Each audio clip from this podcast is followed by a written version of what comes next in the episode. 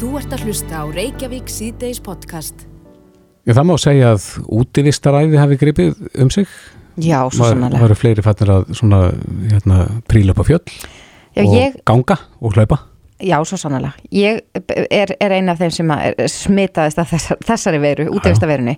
Ég fór upp á Esjuna í gerkvöldi Mhm. og ég taldi að ég mætti sko yfir 30 manns og þetta var sko klukka nýju í gerkvöldi Einmitt. í frost og snjó Og myrkri. Og myrkri. Mhm. En það eru greinilega margir sem eru líka að hlaupa vegna þess að í morgun, eða í háttegin í dag, þá seldist upp í laugavegslaupið sem fer fram í júli Mhm. á þessu ári á held í 20 myndum. Sem að sýnir að það er bara gríðalegur áhugi og ég veit að það voru margir sem að þurftu frá að hverfa og náðu ekki að skrá sig. Akkurat. Á línunni er Silja Úlfarsdóttir, upplýsingafulltrúi IBR, kom til sæl. Já, komið sæl. Er þetta, er, er þetta sko lenskana að það skuli seljast upp í þetta hlaup á svona stöðum tíma? Herðu, nei, þetta er nefnilega eiginlega smá magna því að árið 2018 hann seldist upp á þrejum vikum, þrejum dögum 2019, þrejum klukkutímum í fyrra og núna innan við 30 myndum. Og hvað eru 500 hérna miðar sem að seljast? Nei, það eru yfirleitt alltaf í kringum 500 og, og 50 kannski hlauparar sem að hlaupa Já. og, og já, yfirleitt er það svona aðeins meira en við, við vitum að það er alltaf svona aðeins forfull. Hvað ætlaði að gera núna? Er, það er uppselt og, og seldist upp á þessum stuttatími er ekkert að fjölga? Nei, það er það því miður ekki en sko við höfum kannski smá fordæmi fyrir eh, COVID-árinu 2020 en þá þurftu margir að falla frá sagt, skráningunum sínum og þá opnaðum við aftur skráningar þannig að ef að það hendar aftur og, og þú veist því það eru náttúrulega ennþá óvissu tímar að, að þá gæti það verið að opna aftur en þú veist það verður aldrei mikill fjöldi af um, plásum sem að verður að þú veist, opna fyrir aftur sko. En, En hinga til Silja hefur verið, þetta eh, hlaupur þetta gríðarlega langt, þú ert að hlaupa allan lögavegin, er þetta ekki 54 kílómetrar eða eitthvað slikt? jú, jú. Uh, og, og það hefur verið algengt að hinga kom, kemur fólk frá útlöndum til þess að, að hlaupa þessa leið. Hvernig er dreifingin á þeim sem keft, náðu með það í dag? Er þetta mestmengnis Íslandingar eða er, er það að sjá fólk uh, frá öðrum löndum bóka líka? Sko já, þetta eru mestmægnis Íslandingar og það eru, ég bara því mér er ekki komið töluna, við erum búin að vera bara á haus því að þetta bara gerðist í hátteginu, það er eins og eitthvað hafi gerst sko. Og hérna ég er ekki með alveg með tölunar en það eru eitthvað útlendingum um, ekki eins margir og uh, venjulega skils mér. En eh, já, þú veist, þetta er bara, já, þetta er bara mikill áhugi, við finnum það alveg og, og það sem að við fundum til dæmis í fyrra því það voru náttúrulega bara mest allt Íslandingar að fólk er bara með meiri áhuga, fólk er meira tilbúið í svona hlaup og við þurfum til dæmis í fyrra ekki að loka áneitt á leiðinni því það eru tímatakmarkanir sem segir okkur að fólk er bara virkilega vel undirbúið og, og því skiljum við vissilega sko vonbriðin hjá fólki sem er nú þegar byrjað að undirbúið sig fyrir til dæmis þetta hlaup Mm og okkur þykir þetta alveg ofbúðslega leiðilegt. En hvað ræður því að, að það sé miða við töluna 500 eða 550? Sko það eru, veist, það er ekkert kannski endilega þannig þessi heilu tala en það hefur alltaf verið svona í kringum það en þetta er bara öryggis ástæður að það geta bara ákveð margir verið að hlaupa á svæðinu og öryggis hlaupar og skiptir okkur miklu máli og, og oft hefur komið bara slæmt veður og þá þurfum við að vera að geta komið öllum í skjól. Er þetta eina svona langa hlaupið uh, með þessu sniði sem að, IBR að halda utanum eða getið bengt fólki á að skella sér í hengirslaupið eða hvað sem það er uh, til þess að ná settum markmiðum? Já, ég, veist, ég nú er ég ekki bara nóg vel að mér í öðrum hlaupum en þú veist, við erum allan með Reykjavík marathonið í ágúst sem að við náum vonandi að halda líka þetta árið. Mm Þannig að hérna, ég bara vona að fólk þá getur nú allan að fara út að hlaupa og hérna, komist kannski ymmið þá í einhver önnur hlaup og, og verður bara tilbúið næsta ári. Mm En segðu okkur aðeins bara í stuttumáli frá lögavegslaupinu, hvað ákverju á fólk von á? Um, Sko, í fyrra var allan að frábært veður og frábæra aðstæður og, og hérna, meðvindur og, og landslægi er náttúrulega alveg dásamlegt þarna. Er þetta erfitt? Já, já, já, þetta er mjög erfitt og fólk er í misjöfnu ásökkumulegi þegar það kemur í mark meðan aðrir eru bara frekar hressir sko og hérna Nei, þetta, þetta eru mikil átök en fólk Upp og niður svolítið. Já, já, algjörlega Já. og fólk skilur alveg að það þarf að undirbúa sig vel, vel fyrir þetta og þau þurfa að ljúka hlaupinu innan við 9 klukkutíma og 15 mínútur. Mm og þetta er nú leið sem að, að margir hverjir ganga á fjórum dögum. Já, mikið rétt. Hver var það- hjá þeim sem að sigraði fyrra? Bara svona svo við getum sett þetta hans í samhengi. Þekkir það? Ég, ég held að hann hafi verið undir fjórar, fjóru klukkutíma, nú er ég ekki alveg klárið uppbytið. Já, ég held að það verið undir fjóru tíma. Það var nefnilega sko, nýtt mótsmet, til dæmis Rannveig Oddsdóttir, hún setti nýtt mótsmet í fyrra og þá hljópur hún á 5 klukkutímum sléttum. Þannig að þarna, já, það, þetta, já, þetta er búið að vera alveg frábært, sko. Og með því á fyrstu kallarnir, hann var 4 og 17 í fyrra. Erum við með gormundi skónum í svona eða? Nei, ég held ekki. Ekki, ekki þarna, það er alveg ágættis viður á flestum stöðum, en þau er vissilega skiptum föt á leiðinni. Já, einmitt. Uh, Silja, Úlfarsdóttir, uh, það er nú gaman að heyra þessum áhuga en, en leitt að heyra að margir hafi þurft frá að hverfa. Já, mjög leitt. Við, við erum, okkur finnst það þykir að mjög leiðilegt, en við erum mjög glöðið með þetta áhugin sé svona mikill og fólk er greinilega mikið að reyfa sig. Já, við heyrðum að því að það hefði verið krísufundur út af þessum miklu áhuga. Var eitthvað ákveðið á þeim fundi? Nei, nei, þetta bara, þú veist, við bara þetta skiljum vonbreiðin og áhugin fyrir laupinu er bara meiri heldur en plássin eru og þá er því miður ekki mikið hægt að gera því, sko. Nei. Silja, takk fyrir þetta og góða helgi. Já, takk fyrir. Þú ert að hlusta á Reykjavík C-Days podcast. Reykjavík sýtis á bylginni. Það eru eflaust einhverju sem að, að fagna því að nú hefur Þorlu Guðnarsson sóttvarnalæknir lagt til að, að ringa reglur um fjöldatakmarkanir og, og svona það er reglur sem gilda hér innanlands en uh, það leikur fyrir að hann hefur lagt, lagt fyrir að það verði hækkað upp í 20 mann sem með að koma saman Já, í stað tíu. í stað 10. Mm -hmm. líkamsrætta stöðvar með að opna aftur með mjög ströngum skilurðum og fleira í þeim dúr. En uh, á línunni er Svandi á þeirra, komdu sæl. Sælverði. Já, það, það er útlitt fyrir að verði ringað aðeins. Þetta er ekki þó meitlað í stein, þá eftir að taka endalega ákvarðun um þetta eða hvað? Jú, þetta er náttúrulega, sko, við erum eins og framöfu komið á rosalega viðkvæmum stað í raun og veru í faraldrinum, þar sem við sjáum að við höfum náð þó nokkuð góðum tökum hér innan lands, en það eru svona vaksandi fjöldi á landamærum og löndin í kringum okkur eru e, í miklum vandræðum með framgang faraldrisins, þannig að það er, þetta er flókin staða, en ég fannst rétt að gera grein fyrir því hver, í hverju þessu, þessu tillögur lægi, þannig að við gætum allir undirbúið okkur þannig að ef að við höldum áfram uh, góður stjórn á faraldrinum innanlands að þá geti þessar tilugur tekið gildi núna 13. januar. Getur þú farið aðeins yfir það með okkur í hverju félagsbreytingarnar?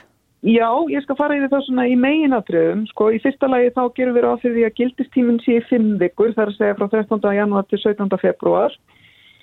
Uh, og uh, í öðru lagi eins og þið nefndu það þá eru almennar takmarkanir uh, 20 manns úr 10 í þriðja lagi að heilsu og líkamsrættastöðar verði opnaðar með þessum miklu takmarkunum það er að segja ba- bara fyrir hóptíma þar sem hámasfjöldin er 20 manns og búnisklefar lokaðir og hægt að reynsa mjög vel á milli hópa Uh, að íþróttaæfingar barna og fullorðina verði heimilar með og án snertingar uh, hvort sem er utan dýra eða innan uh, að hámarki 50 manns í rými og þá í raun og veru líka keppnir án áhorunda.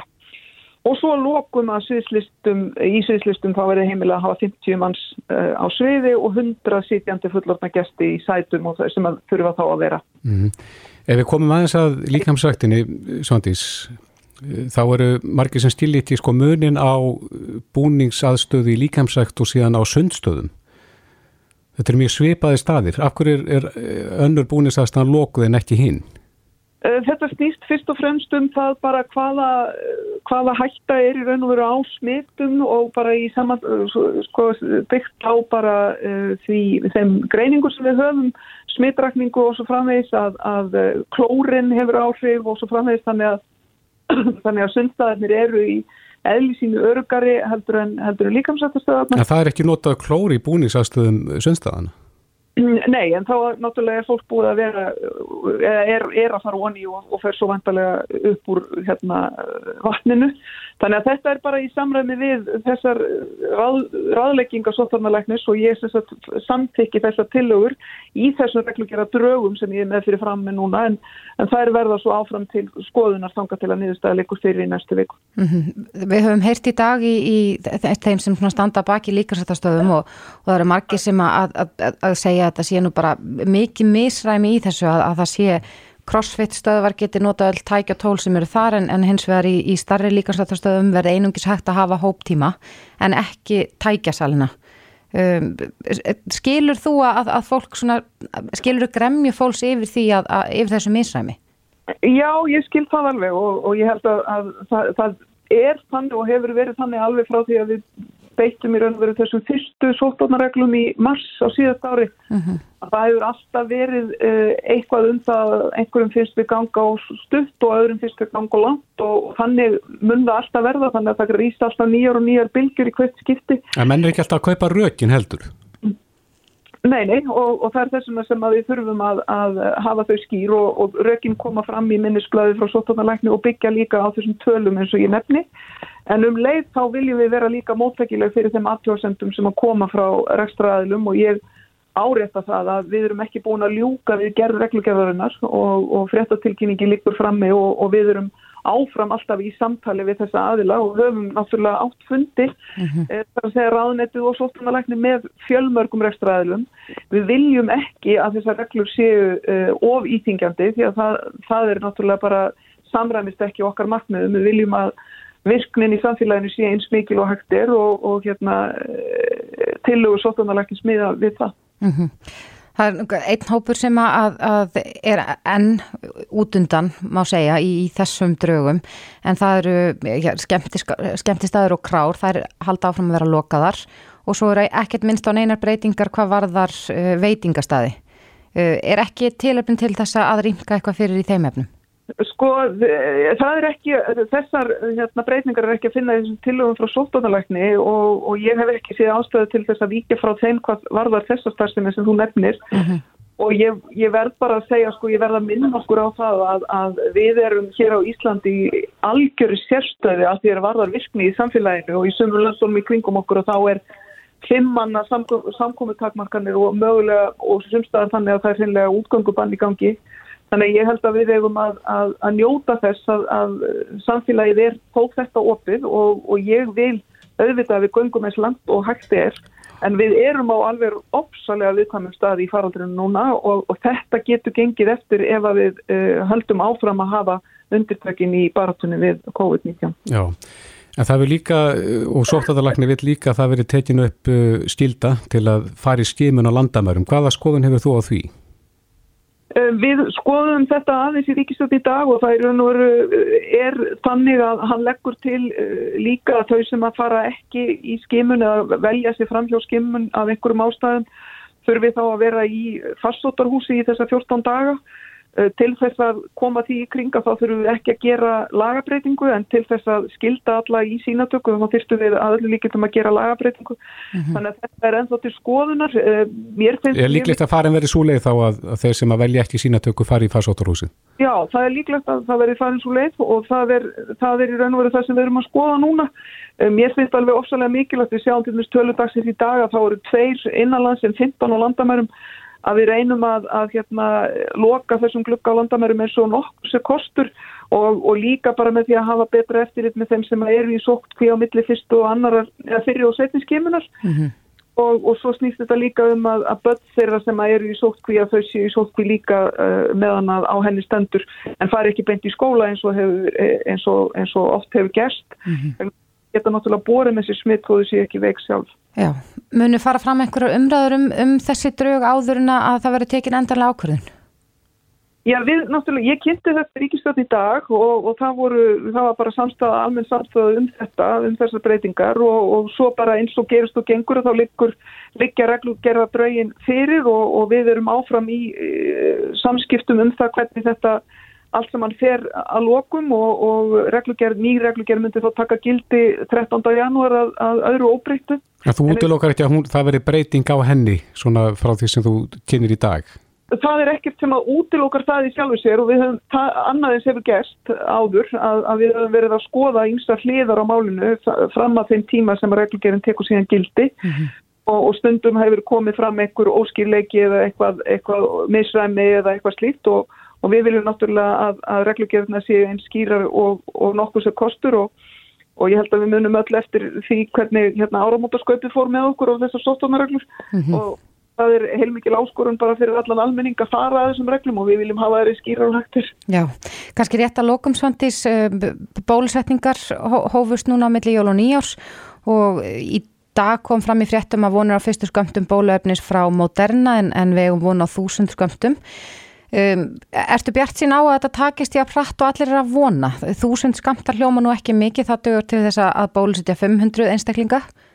Já, við erum náttúrulega, sko, það má eiginlega segja sé frétt á hverju minnast að degi um þessi mál og, og við vorum núna að heyra líka frétt bara í, í dag um, um tvöfaldun á, á mögulegum kaupum Evrópusambansins af skamtum frá Pfizer og við erum náttúrulega að sitjum við það borð Og, og svo komum við til með að sjá hvað verður með hérna markasleiði fyrir AstraZeneca aðlum vikjöndu núna eh, einhver tíman í kringum mánuðamótin janúar, februar þannig að, þannig að við erum að fá fleiri jákvæðar frettir uh, sem að gefa tilipni til þess að, að, að við getum haldið áfram að vera bjart sín uh mhm. -huh. og það er mikilvægt fyrir okkur hér á Íslandi að við erum að hefja bólusetningar meðan að faraldurinn er í lægð en ekki eins og mörg ríki kringum okkur sem að þurfa að klíma við mjög eh, mikil uppgang faraldusins á sama tíma sem er, er, getur bara verið mjög flókin og, og erfið staða. Já, Svandís Svarastóttir, eh, þeirra. Kæra þakki fyrir þetta og góða helgi.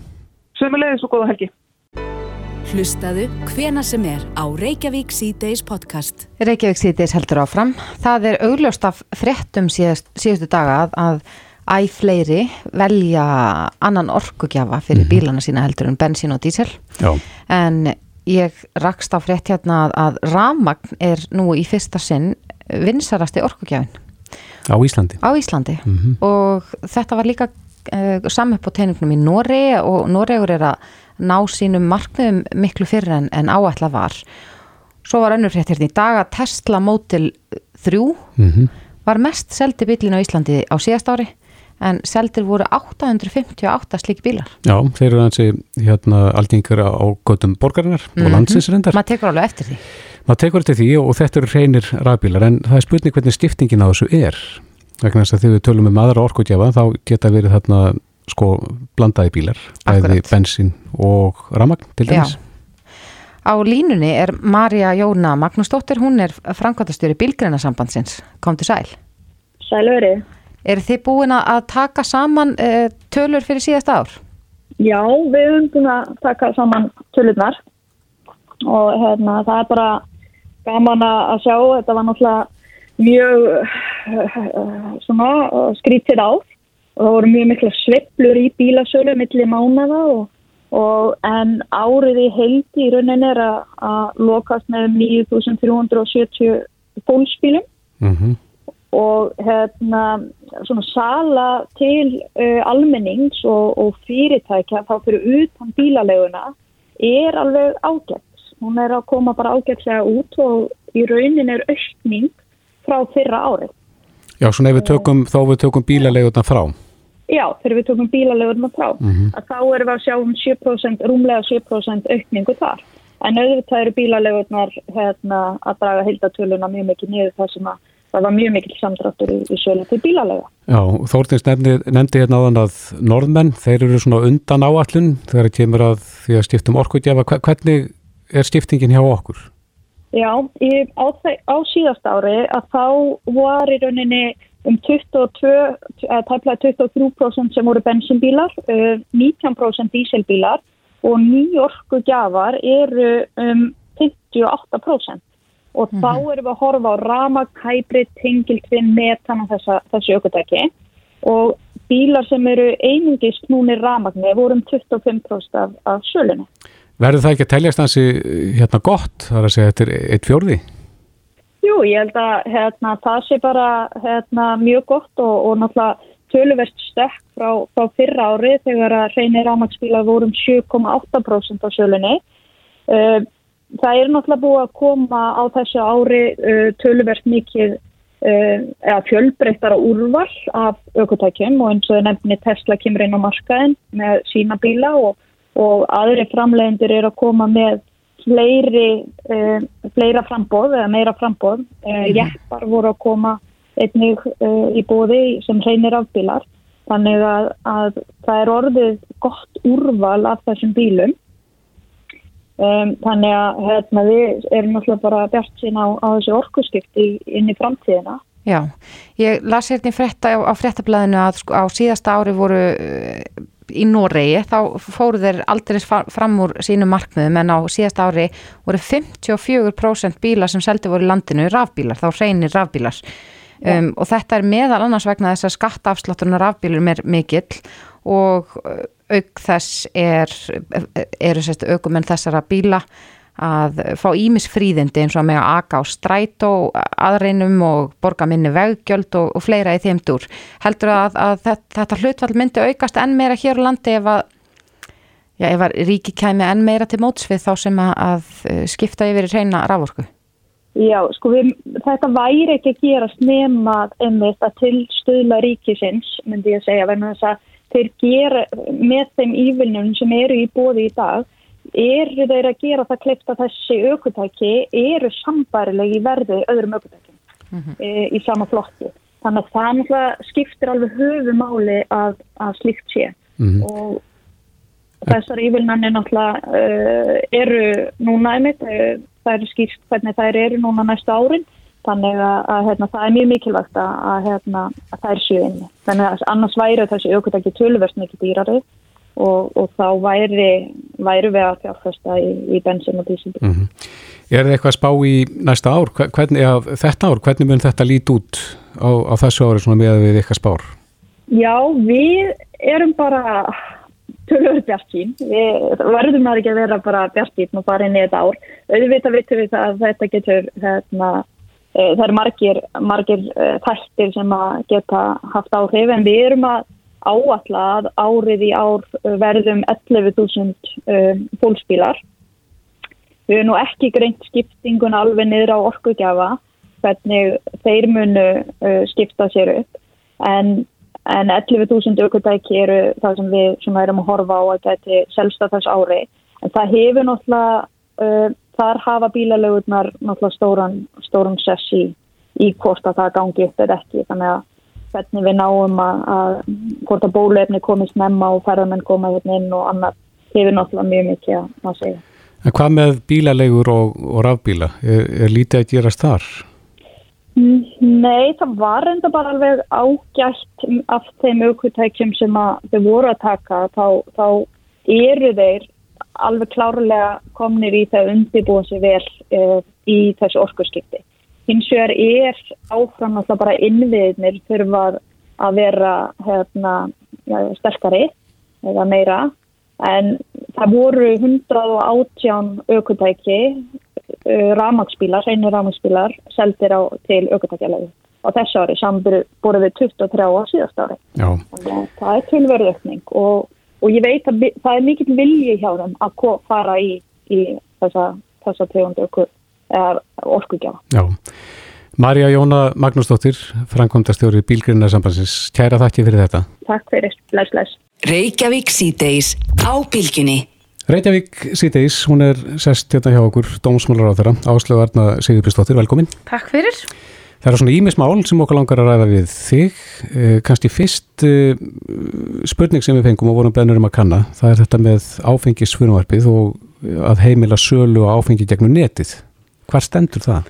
Já, ég byrjaði að koma með þetta mál svona snemma eftir ég kom inn í dansmálurraðnitið eh, af því að það er að mínu viti illa tryggt jafnbræði á þessu markaði og án þess að breyta nokkru um áfengisauglýsingar, sölu, áfengis og tópaksvæslun ríkisins eða öðu að þá held ég að það stangist verið lág í mis jafnbræði sjóna með að við getum keift af erlendum aðlum upp að dyrum sem tekur örfá á daga um, en ekki af íslenskum aðlum og að litlu brugghúsin okkar mm -hmm. uh, víðum land sem eru yfir 200 störf og yfir, yfir 20 sveitafélögum eigi svona erfitt með að koma sinni vöru að í áfengisvæslu ríkisins mm -hmm. og eigi erfitt með að selja hana í sínum heimabæ og, og sveitum landsins og þá var þess vegna sem ég kom með frumvarp uh, sem bæði hverður á um heimild til íslenskra netvæslunar uh, og fyrir því eru þetta ímisrög, bæði þessi jafnbræðisrög en líka þetta umhverju sjónum með því að íslenski ræðlar er farin að senda Íslenskt vín erlendist til að senda það síðan aftur hingað í gegnum erlenda netvæslanir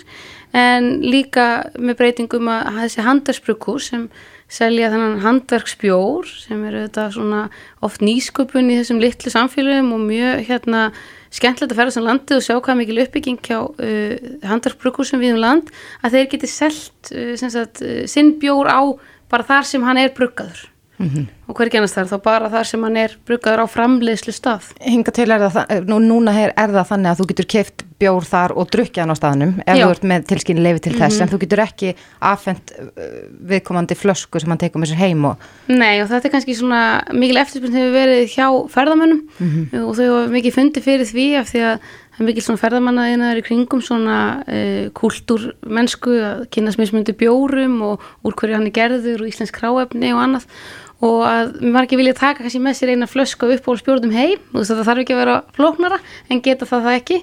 Og dæmin eru svona það fáránlega að uh, við kannski sjáum einhvern fyrir uh, á austfjörðum uh, hérna segjum bara beljandi brukkus að þar kemur ferðamaður og vil kaupa eina flösku og segir ok, ég get ekki kæft hann hér, hvað get ég fengið hana? Já, það er hérna í tveimur áfengisveslum ríkisins, annars vegar í Hafnaferði og hins vegar eini í Reykjavík um, hinnum einn á landinu sko. mm og þetta eru þetta heldur þessum brugghúsum niðri þegar erfitt rekstraumhverju nú þegar út af við um einhver ferðamenn. Mm þetta eru gríðilega mörg störf og ég held að með þessu séu við bæða stiðja við innlenda framleyslu við svona nýsköpun í heimabygð og störf og og hef fengið mjög miklar mikil, mikla kvartningar bæði frá sveitafélögum, frá samtökum handverksbrukúsa og fleiri um að koma aftur með þetta frumvarp. Hvað stendur það í dag? Það hefur ekki farið í gegnum ríkistjón, það er hérna svona skiptarskoðanir mm. um þetta mál þar. Er anstaða við þetta í ríkistjón sem sagt? Já, uh, við þekkjum auðvitað anstöðu uh, vinstrimanna á breytingum á áfengislaugjöfunni hilsinni en ég held að hérna séum við að fara svona bil begja sjónamiða þetta er svona samspil kannski aukins frjálsræðis og hérna jafnræðis á þessu markaði og aðhaldssamrar áfengistefnu að því að við erum ekki að auka aðgengið að sínileika eða auglýsingar eða neitt með þeim hætti.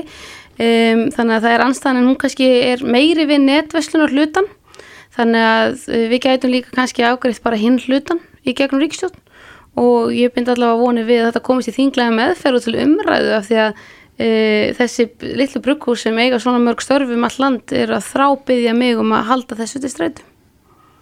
Já, en ef við snúum okkur aðeins að kórnuverunni sem að eru þetta alltaf í umræðinni, það var í dag ríkistjórnafundur þar sem að tillögur sóttvarnar uh, læknis voru, voru kynntar Hvernig var, fannst þið vera einhugur í ríkistjórnum um að þetta væri rétt að leiðin, þessar breytingar sem að munum mögulega taka gildi í næstu viku? Það hefur verið einhugur um þessar sótvarnar aðgerðir í stóru myndinni. Eh, auðvitað vakna alltaf upp einhverja spurningar, eru við að ganga úr lánt, eru við að losa fyrr, eru við að losa meira, eru við að herða meira og þessar spurningar og svona minniháttar atriði í kannski reglugjörðum heilbreyðsráðara sem heilbreyðsráðara tekur. Um, við erum auðvitað bara að sjá það að Íslandingar hafa staðið sig ótrúlega vel og þetta hefur gengið ótrúlega vel, það verður ekki orðið þær bylgjur sem við óttuðust um, korki í november, nýja desember mm -hmm. og við erum að sjá bara þegar við skoðum löndin í kringum okkur að við erum á einum besta staðnum bara í heiminum. Mættist laka meira á, á þínum mati?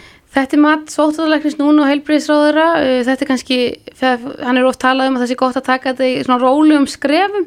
Uh, svo að því að veiran er hérna ennþá einhverju marki þó að það verðist vera rosa lítið um hana. Um, að gæta því og við þurfum auðvitað að halda áfram að gæta þessum almennu sóttvörnum og personabundinu þó að við munum síðan losa meira en ég held að hérna e, það séu þetta alltaf bara mat sem þarf að fara fram en það er alveg ljóst að við erum auðvitað öruglega með eina fáum löndum í Európu þar sem börnun okkar eru að fara í skólan þar sem mhm. framhaldsskólin er starfandi þar sem hérna fólk getur farið á veitingahús og hérna núni í leikhús og svo í einhverja líkansrætt á stöðvar.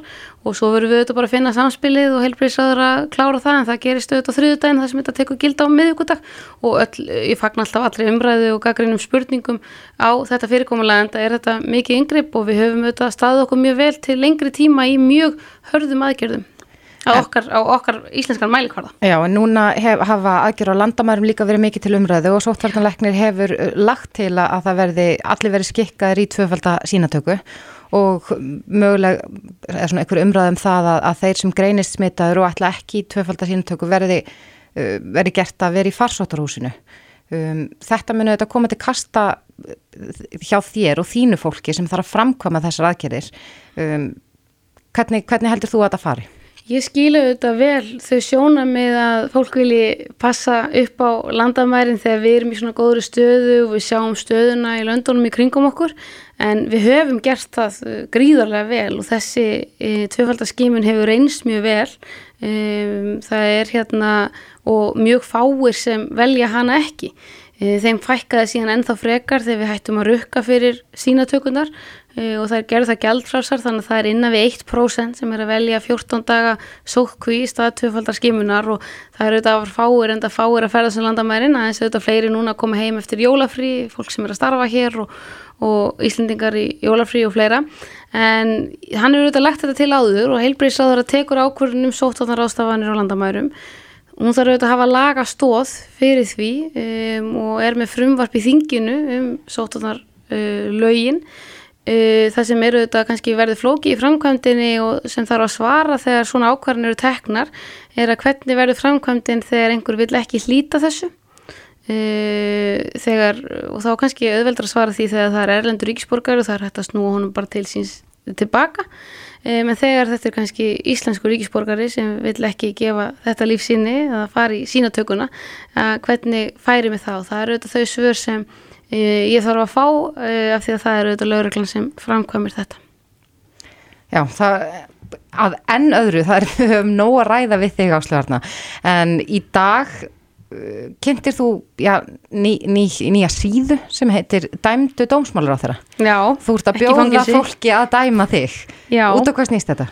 Þetta snýst bara að fá aðeins viðbröð, meiri viðbröð frá fólki. Maður, ég er auðvitað mjög virka á öllum samfélagsmiðlum og er með heimasíðu áslarðan.is sem ég deila öllum þenn greinum sem ég skrifa og fleira og ég vil fá bara meira, meiri viðbröð frá fólki til að segja mér hvernig ég hef staðið mig og vera í betra sambandi við fólki í landinu sem er ánætt með mín störf og heyra hvað ég geti gert betur og kannski líka þá sem eru ekki ánæðir að þeir geti þá líst því við mig beint Erstu búin að fá marga dóma í dag? Ég er búin að fá þúsund uh, dóma í dag og, hérna, og það er alveg fram á vendingum ef ég setti þetta bara inn í, inn í morgun og það er hægt að smetla þetta ef maður fer inn á áslarna.is þar stendur bara dæmdu dómsmálróðara og gefa mér emoji eða tjákn Ertu komið ykkur á samantækt? Ertu að fá góða dóma eða? Uh, já, uh, þú getur annarkvæmt valið svona jákvætt uh, tjákn eða merki eða neikvætt uh, og það eru mun fleiri jákvæði í dag en það deldi ég svo mína miðla og hérna það er vantilega fólk sem fylgis með mér og hefur áhuga á mínum störfum en það er alltaf gott að fá viðbröð frá fólki sem er að fylgis með manni og hlustar á hérna, viðtöl og sér verkefnin sem maður er að leggja fram og vinna að og, og fá svona ábendingar og sérstaklega þegar það stýttist í annan endan á þessu að þá er gott að fá smá viðbröð við öllu sem maður er að gera og getur gert betur á næstu mánuðum. Þú varst nú, það var stort verkefni sem þú varst með hér uh, á síðast ári þar sem að stafrænu aukurskýrtin litu dagsinsljós og, og ég held að við hefum ekkert tíma gert könnun á því að það er mjög, mjög hátt hlutfall uh, þeirra sem eru agandi sem eru búin að fá þetta skýrtinni. Nú er aðeins fyrir að tala um sko stafræn bólusetningarskýrtinni. Er þetta eitthvað sem mun koma inn á bort til þín? Já, við erum búin að ræða þetta, það eru þetta margir sem þurfa að koma þessu af því að við myndum helst vilja slík skýrtinni eru viðkent alls þar í heiminum þegar þú ert komið með bólusetningu að þú getur sínt fram á það með skýrtinni í símanuðinu sem viðkend er víða það er ennþá svona hengur því varandi aukurskýrtinni til dæmis en mér mikið held að þau séu komin í gagni og fólk getur nota þau hér innanlands líka sem persónu skilriki og fleira. En ég held að það sé mikilvægt og við erum og heilbríðsvandi er í sambandi við önnurlönd til þess að tryggja að við getum haft einhvers konar afrænt bólusetningavottor til að sína fram á bólusetningu uh, við um heim þegar við förum nú kannski að ferðast aftur eða fara í vinnuferð ferðir eða annað og ég held að þetta sé bara svona hlut af því að við erum komin mjög langt í stafrænum veruleika allar aðgerðnar okkar efnagslegu til dæmis er þetta sækjum með stafrænum hætti og, og fá upplýsingar á hérna, netinu og þetta er bara hluti af því að vera ekki eftir öðrum löndum í að hafa bólusetningarnar þar líka. Áttu vona því að þetta fari fljótlega inn í símana?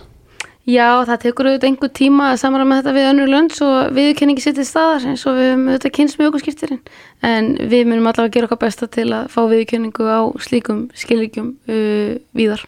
Já, við þakkum að kjæla fyrir að kíkja til okkar, gefa tími það Áslöfarna Sigurbjörnsdóttir, Dómsmálaráður Kæra þakkir. Takk kjæla fyrir. Þetta er Reykjavík C-Days podcast. Jæja, Reykjavík síðdeis, nú er búið að svona, ja, það glittir í þær breytingar sem að verða og, mm -hmm. og hérna, tilslökun á sóttvarnar ráðstöðunum. Já og í hvert skipti sem að það er, er, breytingar á þessum reglum að þá auðvitað heyrist í fólkinu sem eiga eh, þarna hagsmunna að gæta. Ég var til dæmis að lesa hérna viðtal við eh, eiganda skemmtistarnir miðbæra Reykjavíkur mm -hmm. sem er verulega ásattur við þessa breytingar að uh, þau setja eftir og eins og við rættum við Svandis Svavastóttir hérna áðana þá er þetta, það er verið að opna líkamsrættastöðar með mjög miklum takmörkunum mm -hmm. en sumarstöðvar geta haft svona nokkuð óskerta starfsemi eins og minni líkamsrættastöðar með crossfit og öðru slíku mm -hmm. en aðrar eh, ekki. Nei, sérstaklega þessar sem eru með tætjasæli og það hefur verið bent á það að í Íþrótóhúsumörgum að það eru tætjasælir opnir mm -hmm. þannig að þegar fólk sér svona misræmið í þessu að þá staldra menn við en eh, á línunni er eitt sem að fær ekki að opna að, að fullu, Þröstur Jón Sigursson eigandi sporthúsins, kom til sæl Komið í sælublössu, gleðilegt ár. Já, gleðilegt ár. Eh, Hvernig svona þegar þú skoðar það sem er í vændum, hvernig líst þér á þetta? Eh, ég er náttúrulega rosalega gladur að fá að opna og fá eitthvað lífi í húsin hjá mér. Þannig að, að það eru gleðifréttir og geta farið að, að bjóða upp á einhverja tjónustingar hvað konunum okkar. Mm -hmm hér í, í haust þegar það var opnað fyrir hópatíma, það voru bæði þú og fleiri líkamsrættastöðar sem að ákvaða samt sem áður að hafa lokað svona til þess að uh, sína samfélagslega ábyrð og annað slikt en ertu ákveðin í því að opna núna í næstu viku ef að, ef að það verður gefið grænt ljósa það? Ég gerir fastlega fyrir tíu að, að, að opna og, og fara bara eftir þessum reglum sem settar hafa verið og, og, og reyna að vinna í, í hérna, með, með yfirvöldum til þess að lámarka hættu Já, þannig að það er ekki samfélagslega ábyrði núna þá. Já sko, jú, jú, auðvitað vil maður halda henni til staðar en e, pressan er að aukast og, og, og e, mér heyrist að, að stemmingin hjá kollegum mínu sé svo að, að, að opna og, og fara algjörlega að þessum reglum sem verður að vinna. Mm -hmm. Þekkingin er alltaf að aukast held ég hjá, hjá hérna yðvöldum og eh, ég hef ekki trú á því að þeir séu að, að gefa þessar heimildir núna á þess að vera ígrundaða mjög vel og, og, og, hérna, og viti hvað þeir eru enn betur hvað þeir eru að fara út í eða heimila heldur en síðast. Já, en veist við heyrum samt á þeim sem að eiga eh, líkasattastöða með tætjasölum að, að þeir eru ekki alveg að stilja sko hvers vegna þeir eru stildir út undan þegar það kemur að þessum tilslökunum. Nei, nei, auðvitað eh, eins og hjá mér þar sem ég er bæði með tverr krossistöðar, ég er með bootcamp og mörg fleiri koncept, jókastöðar og fleira e, þá e, mun þetta koma mun betur út fyrir þau koncept heldur en fyrir tækjasæluna Nei, ég við niður það alveg með skilur ekkit alveg rökinn en við náttúrulega bara treystum því sem við okkur er sagt og, og reynum að fara þessum reglum og, og gera það sem við getum til að þjónust að kunna eins vel og við getum og á jafn örgan hátt og við getum. Já, annað sem að verður lokað þínir viðskiptavinni fá ekki að fara og nota búningsaðstöðuna? Nei. Hvernig, hvernig hljómar það í þín eru? Já, mann finnst þannig svolítið að startabúðinskjáðan eru eðlilega opnir í sundlegum og, og það er allt opið þar en, en maður er svolítið hissa á því að þeir séu þá lokaðir í okkur en ég er ekki búin að heyra henni rauk, ég, ég veit ekki ákveðið þetta er svona. Nei, finnur það að þínir kunnar eru já, spenntir, æstir að komast í líkamsrætt, að það sé komið nóg af, nóg af því að hefur sig úti fyrir? Það er mjög vægt til orða tekið, þeir eru alveg hreint að vera villusir. Já. Þannig að það er auðvitað gleði, gleðilegt að geta þó tekið á móti fólki eh, í einhverjum, einhverjum hérna hálfum. Mm -hmm. Hvernig hefur, hefur svona reksturinn gengið hjá, hjá ykkur? Já, það er náttúrulega menn geta rétt ímyndið sér það þegar eh, starfseminn er lókuð eh, rúma fimm mánuði á síðast ári og útlitið er ekkit sérstakt fyrir fyrstu mánuði þessa árs að, að þetta er auðvitað ekkit auðvelt rekstar að forma eða rekstur í að standa. Nei, þannig að getur þetta gengið svona mikið lengur? Uh, auðvitað tóverð í og auðvitað finnst manni sárt að horfa á æfistarfið vera að, að brenna upp um, en það þýðir ekkit annað en að taka bara Íslandingin á þetta og setja hausin undir sig og við bara gerum eins vel og við getum. Já, það tekur bara því sem að þeir eru rétt. Já, maður getur lítið annað í þessum aðstæðum. Mm -hmm. Það var í fréttum hér fyrir áramóta að já, þið sem eigið líkansrættastöðar eh, tókuð ykkur saman og stopnuðu samtök. Eh, hefur heyrt í öðrum eigendum líkansrættastöða í dag eftir að í ljós koma það er það opnað með þessum takmörkunum í næstu viku? Já, já, við erum búin að heyrast eitthvað og, og við erum nú með eina sammeila síðu það sem er eitthvað verið að spjalla og hérna og það er auðvitað sitt síðan skverjum en og þetta náttúrulega kemur mjög mísjafnlega við stöðvatan eins og við komum inn á áðan út frá því hvernig restra, hvert rekstraformið er. Mm -hmm. En er hljóðið almennt gott í, í hópnum? Vistu, ég held að þú er ekki að svara því akkurat á þessari stundu. Ég held að við flestu hefum gert okkur vonur um, að, um, um meiri tilslaganir. Hvernig þá? Já, bara mögulega fleiri í hópum og, fleiri hérna, per hóp og sérstaklega það að, að fá að opna takja selða. Já, akkurat. Þröstur Jón Sigursson, eigandi sporthúsins. Kæra þakki fyrir þetta. Kæra þakkir. Bless, bless. Bless, bless. Reykjavík síðdeis á Bilginni podcast.